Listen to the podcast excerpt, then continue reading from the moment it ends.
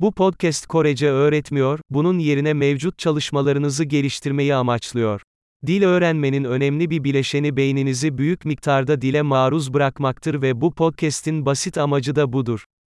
Önce Türkçe bir cümle duyacaksınız, ardından aynı fikrin Korece'de ifade edildiğini duyacaksınız. Mümkün olduğu kadar yüksek sesle tekrarlayın. Hadi deneyelim. Koreceyi seviyorum. 나는 한국어를 좋아해요. Harika. Zaten anlayabileceğiniz gibi, sesi oluşturmak için modern konuşma sentezi teknolojisini kullanıyoruz. Bu, yeni bölümlerin hızlı bir şekilde yayınlanmasını ve pratikten felsefeye ve flört etmeye kadar daha fazla konunun keşfedilmesini mümkün kılıyor.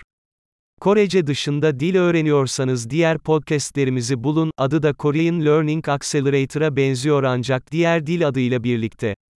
Mutlu dil öğrenimi